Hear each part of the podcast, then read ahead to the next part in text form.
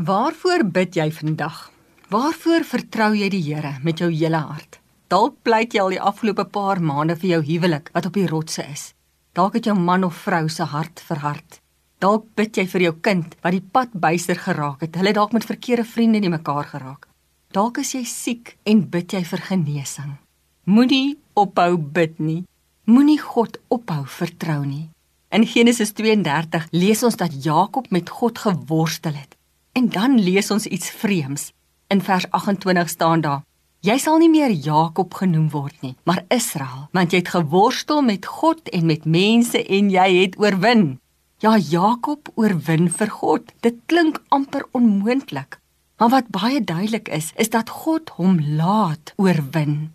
Ons lees dat Jakob aan God vasgeklou het en God gesê het los my. En Jakob gesê het ek gaan u nie los nie Here. Ek weier om u te los. En dit is God se karakter om te luister wanneer ons roep wanneer ons worstel en by hom pleit Here red my huwelik. Red my kind wat aan dwelms verslaaf is.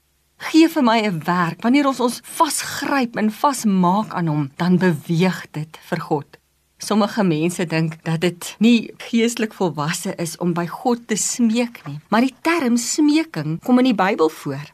In Filippense 4 staan daar dat ons met gebed en smeking moet bid. In 1 Timoteus 2 staan daar dat ons met smeking voorbring moet doen. Ons lees in die Ou Testament dat Hanna so gebid en gesmeek het dat die priester Eli gedink het sy's dronk. Ja, iemand wat smeek, maak nie aanspraak op verdienste nie, maar op genade. Dis iemand wat in groot nederigheid onbeskaamd na God toe kom. Die Hebreëse woord vir vertrou beteken om jou vas te maak aan iemand. Wanneer ek God vertrou, maak ek myself vas aan hom sodat ek sodoende staande sal bly.